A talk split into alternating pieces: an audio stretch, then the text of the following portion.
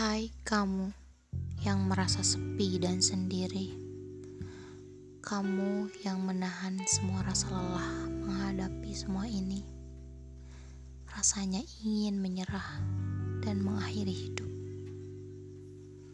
Kamu yang tak pernah merasa punya pilihan untuk terlahir ke dunia, kamu yang lebih memilih kalah karena tak ingin memperpanjang urusan.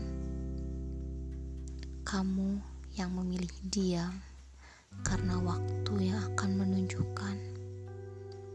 Kamu yang memilih memendam karena bercerita hanya memperkeruh keadaan.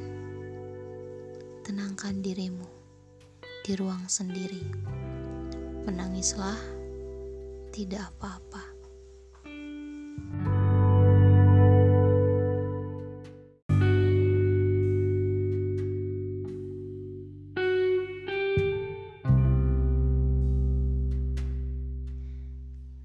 Bismillahirrohmanirrohim Dear kamu Maaf, mungkin bukan kalimat yang asing bagimu Karena begitu sering aku mengucapkan padamu Karena kesalahan yang sering kulakukan.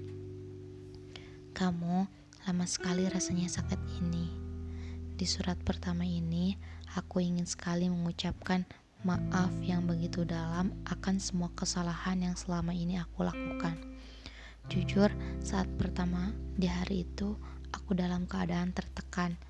Aku tahu aku yang salah, tapi begitu semua itu terjadi, ternyata makin membuatku hancur. Dan yang paling bikin aku hancur adalah melihat kamu bareng dia di alam dan bikin TikTok. Rasanya hancur rasanya. Aku mengutuk diri sendiri, seberapa sakitnya rasa itu. Aku benci melihat itu. Tepat seminggu setelah kita lost kontak, aku ingin sekali menyapamu, meminta maaf. Tapi setelah aku melihat video itu, rasanya hancur. Setelah kejauhan itu, aku ngerasa kecewa berbulan-bulan. Rasa sakit saat lihat kalian begitu sangat terasa. Bahkan lucunya, aku yang begitu dekat dengan dia jadi ngerasa males. Tapi aku sadar semua emang kesalahan aku. Saat terjadi konflik kita nggak bisa berpikir dengan baik. Begitu sangat gampang terbawa emosi. Tapi aku sangat ngerasa kehilangan dan sampai kapan pun nama kamu gak akan pernah hilang.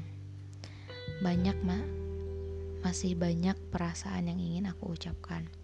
Poin dari surat ini, aku ingin mengucapkan maaf yang sedalam-dalamnya karena begitu banyak kesalahan yang aku perbuat. Menjelang Ramadan ini aku ingin kamu maafkan aku karena setiap malam aku begitu rindu akan kamu. Marhaban ya Ramadan.